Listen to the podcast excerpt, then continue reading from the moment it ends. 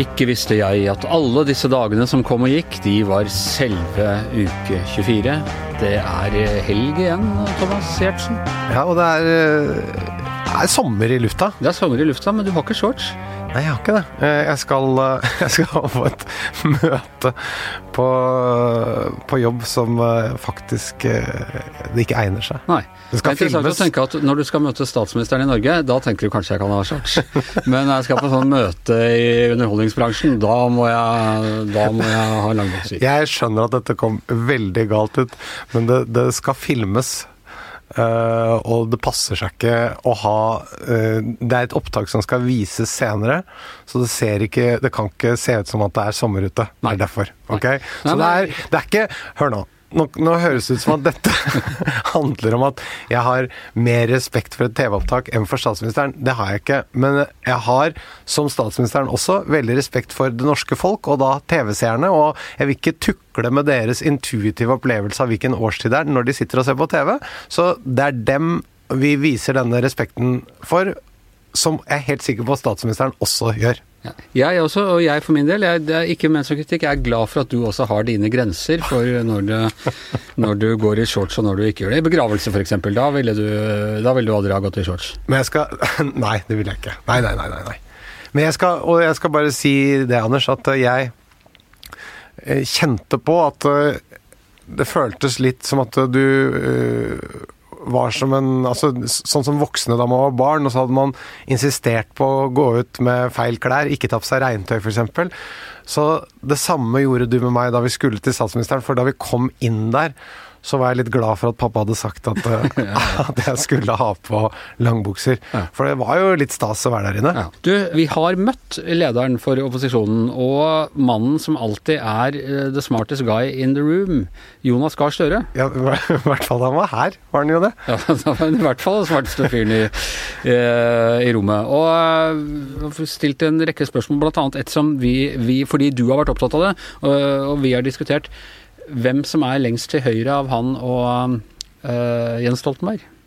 Ja, jeg syns jo det er litt interessant fordi uh, jeg syns det sier noe om hvilken vei han som leder i Arbeiderpartiet ønsker å ta Arbeiderpartiet, og hvilken eh, hvilke allianser og samarbeidspartnere han kan danne. Så, og som jeg tror vil ha noe å si for Rett og slett for eh, politikken eh, som skal føres i landet her, hvis de da tar over. Så det syns jeg er ganske interessant. Ja, så bare følg med, så får dere svar på det. Vi i det hele tatt stilt noen av de samme spørsmålene også som vi stilte til, til statsministeren, for å sjekke eh, forskjellen i, i hvordan de svarer på en del eh, sånne type spørsmål. Ja, jeg syns også det var veldig interessant å snakke med han om den parallellen mellom svensk koronahåndtering og svensk innvandringspolitikk. Eh, og sammenhengen eh, knyttet til det. Det syns jeg var eh, veldig interessant. Er det noe du burde ha spurt han om, som du Altså Hver gang vi har intervjuet noen, så tenker jeg alltid Hvorfor spurte jeg ikke om det? Hvorfor kommenterte jeg ikke det?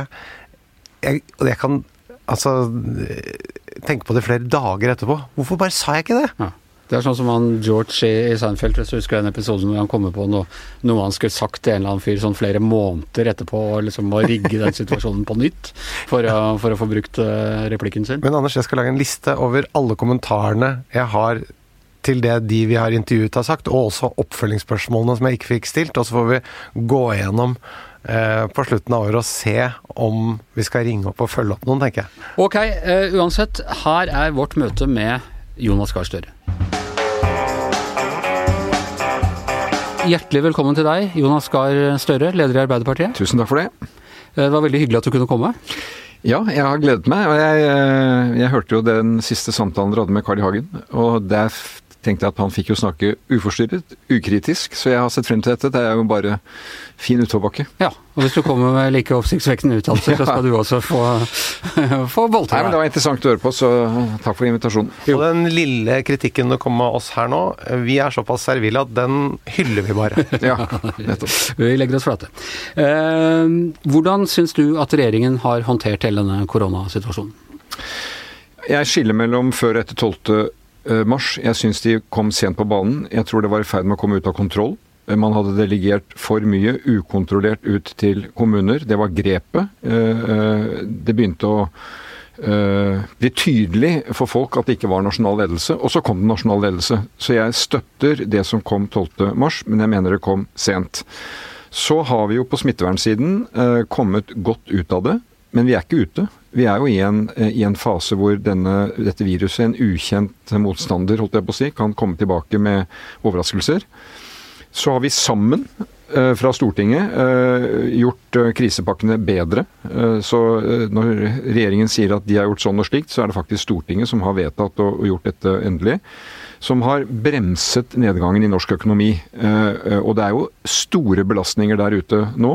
400 eh, 000 uten arbeid, permitterte, eh, og sosiale utfordringer som følge av at jobber blir borte. Tror du at du hadde blitt, du og dere, altså Arbeiderpartiet, hadde blitt utsatt for kraftigere kritikk fra NHO og næringslivet ved å gjøre de grepene som regjeringen gjorde, ved å stenge ned at det tross alt var lettere for en høyreregjering, for det er grenser for hvor langt da næringsliv og NHO ville gå i å Det har jeg ikke, det har jeg ikke tenkt på engang.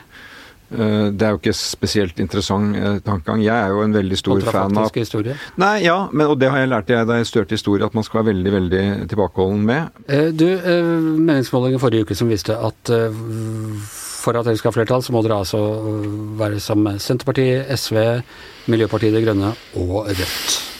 Hvor komfortabel er du med å skulle regjere med Rødt? Eller regjere Nei, på Rødts nåde? Det er ikke aktuelt å regjere på Rødts nåde. Eh, jeg tror vi skal si sånn et drøyt år før et valg at hvis flertallet som denne regjeringen i dag har, ryker, det ikke er flertall for en høyreregjering med Frp eh, i en støtteposisjon, så skal Arbeiderpartiet ta ansvar for å gi landet en regjering som kan uh, ta oss trygt videre. Det er det vi sier nå. Og så har jeg sittet i regjering med Senterpartiet og SV.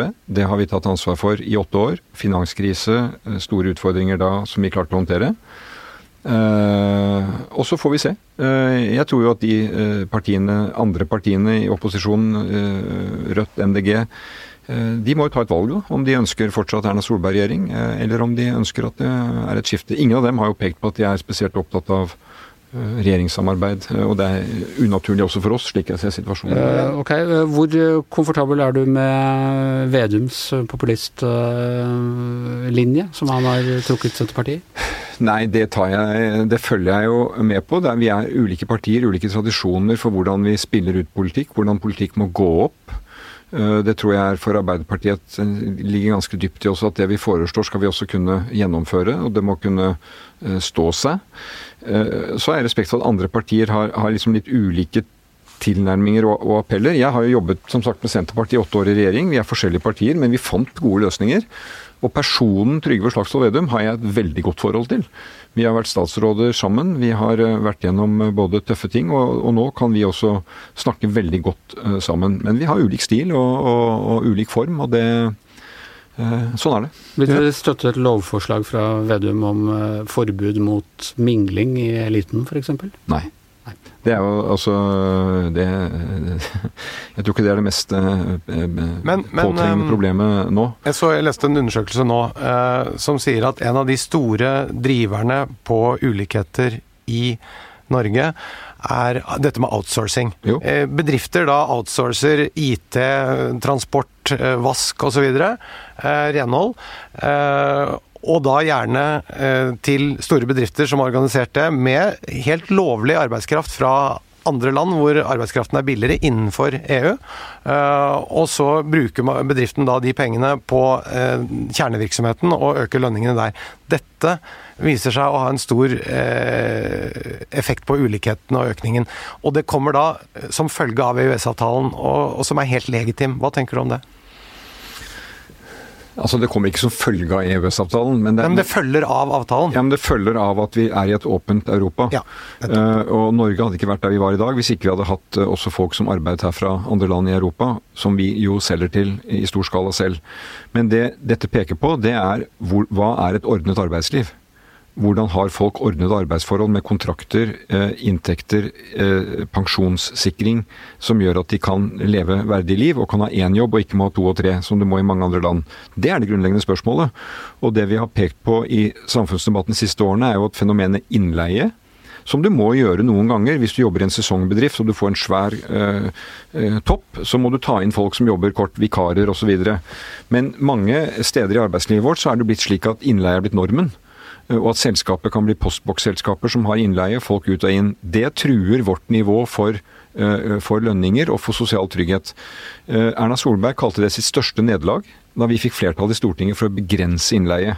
Og det går virkelig til kjernen av en del viktige politiske forskjeller. Trygt arbeidsliv, trygge forhold for folk som er på jobb, trygghet for arbeid og trygghet på arbeid, er viktig for folk på jobb. Men det er også utrolig viktig for hvordan samfunnet sammen fungerer.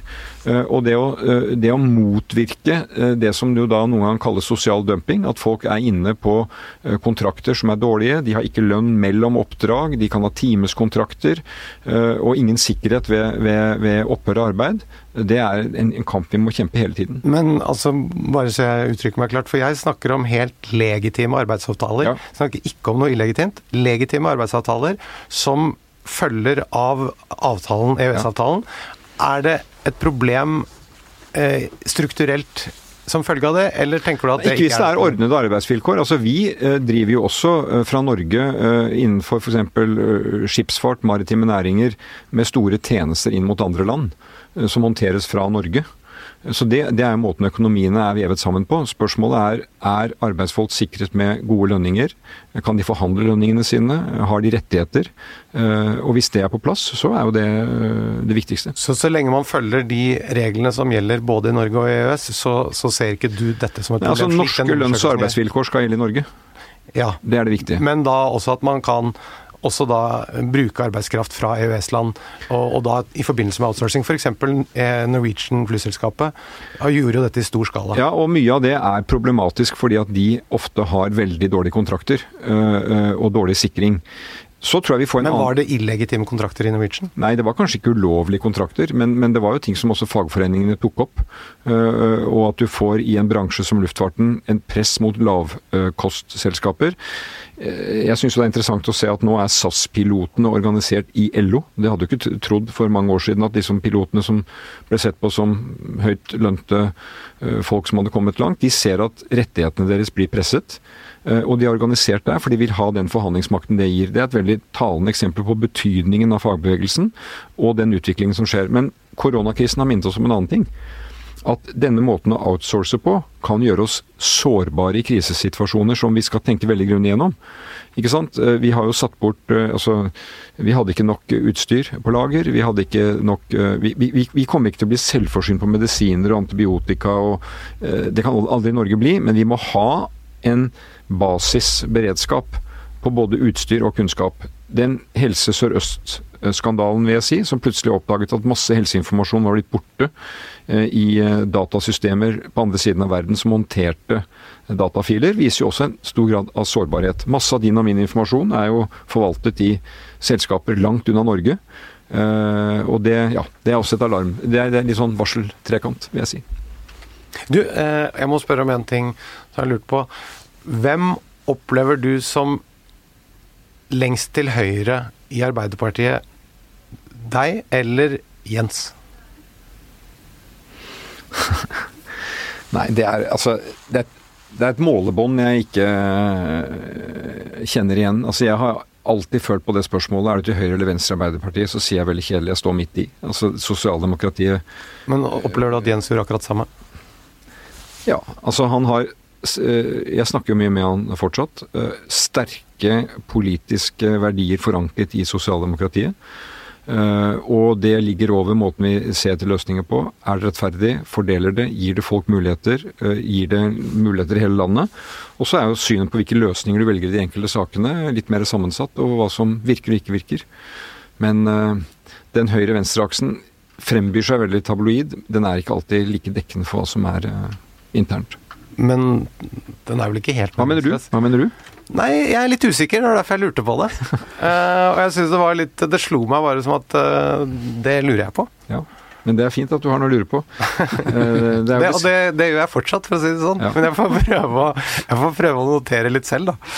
Du, eh, vi vet at du ikke kan snakke eh, totalt fritt om dette, for det er litt med, med forskjellige roller her. Men kan Norge ha en eh, sjef for oljefondet som har verdier i et skatteparadis? Det er et eh, vanskelig spørsmål. Altså, på det formelle siden så er det styret i Norges Bank som ansetter sjefen i oljefondet. Sånn er det. Uh, og det er et ansvar de må ta. Så har vi på Stortinget et representantskap som skal være vaktbikkje og følge med på det og stille spørsmål uh, som er betimelige, og de spørsmålene bør de besvare godt. Uh, når de rekrutterer en mann som har jobbet uh, hele sitt yrkesaktive liv i utlandet og opparbeidet seg en stor formue, så tror jeg det at, at, han har penger utenfor Norge, det må man leve med. Men det er to veldig avgjørende ting. Det kan ikke være spørsmål om interessekonflikt i forhold til den jobben han skal ha. Uh, og jeg mener at den banken han leder, det fondet han skal lede, skal være et fond som er tydelig i forhold til skatteparadisers negative betydning. I forhold til å unndra penger fra beskatning og skape hemmelighet. Skatteparadiser er jo et litt sånn vidt begrep, men det er vel i prinsippet to forhold som er relevante, nemlig både skattenivå og innsynsnivå. Ja. Er ikke det riktig? Jo.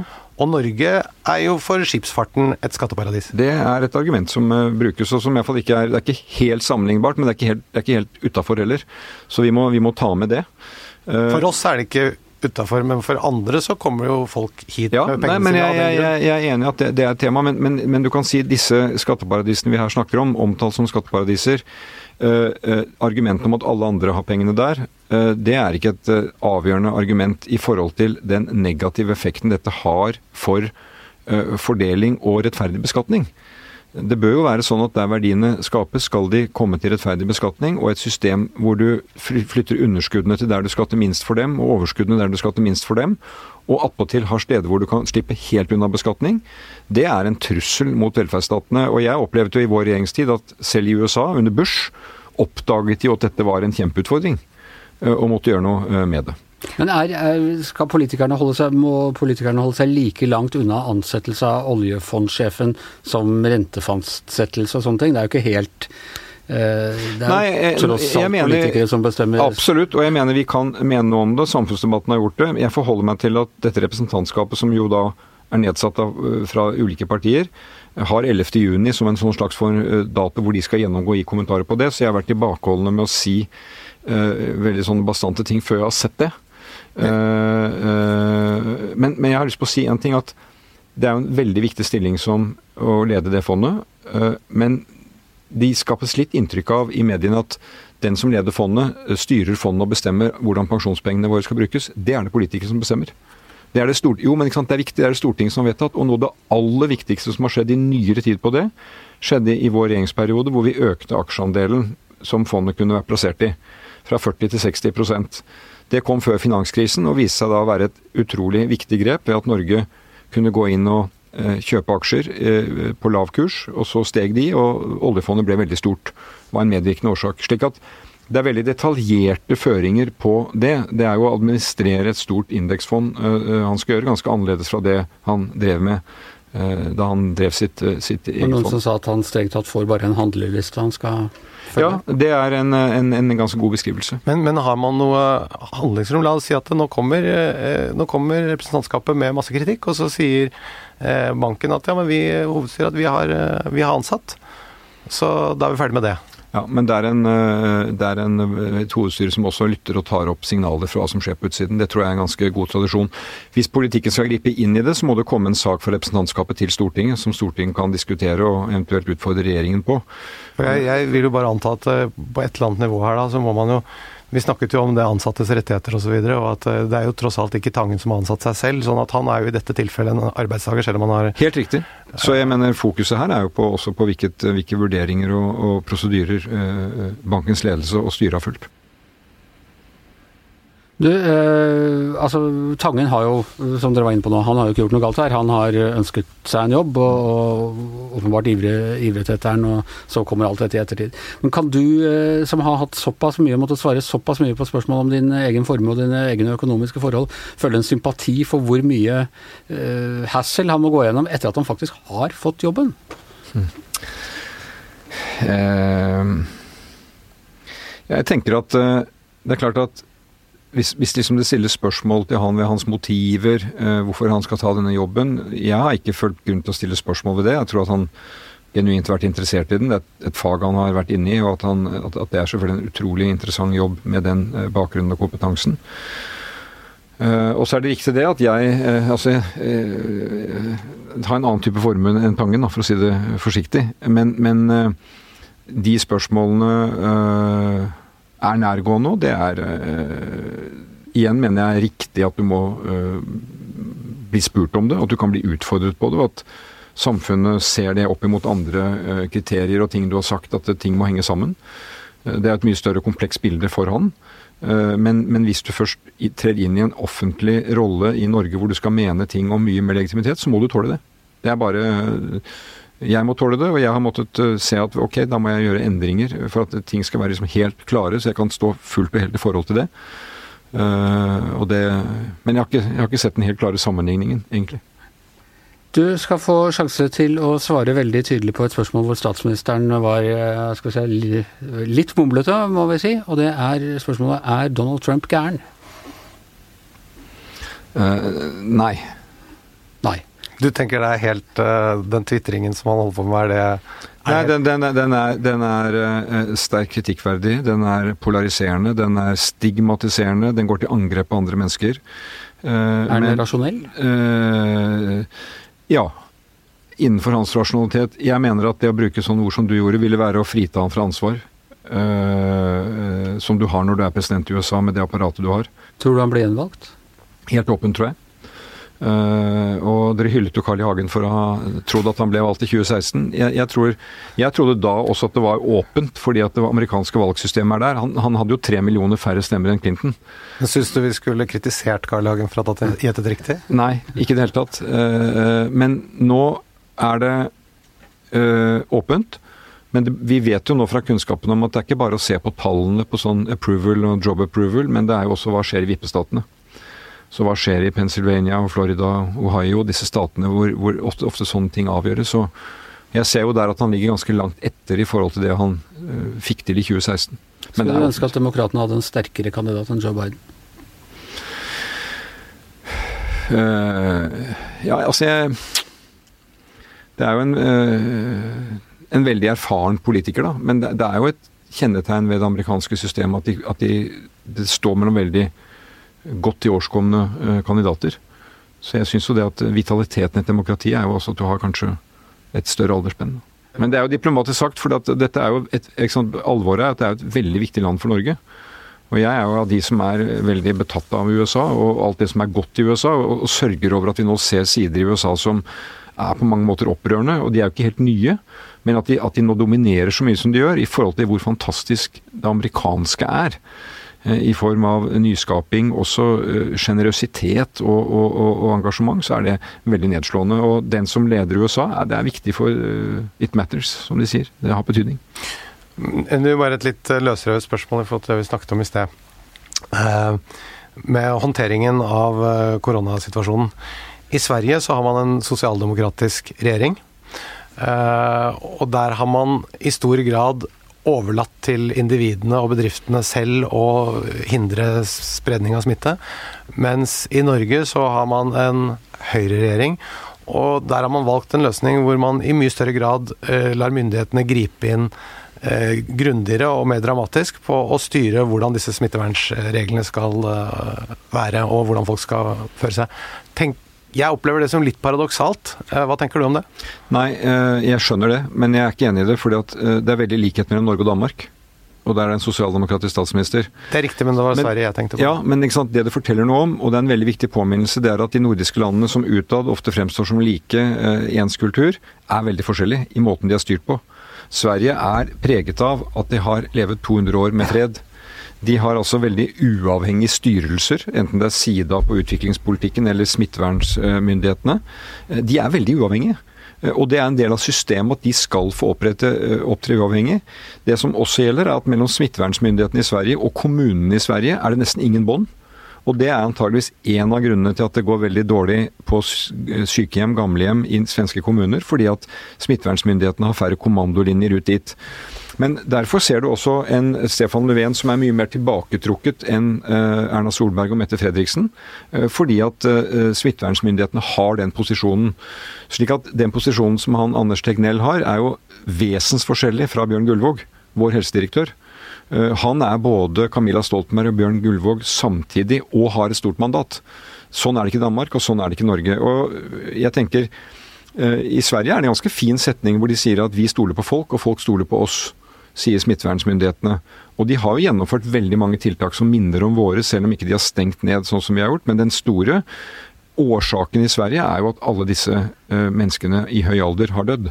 Fordi smitten er kommet inn på sykehjemmene. Men sånn som det, det, det slagordet der er jo mer noe man kjenner igjen fra høyresiden. Men jeg forstår at du, du legger dette mer på en organisering av politikken mer enn en ideologisk styrt Ja, pluss at i eh, Sverige også så er det jo slik at eh, Jeg vil jo si det sånn at eh, du kan også se, se det på den måten at jeg tror at eh, i Norge så ville ikke en tilsvarende figur, da Vi ville ikke hørt på han og respektert det på samme måten.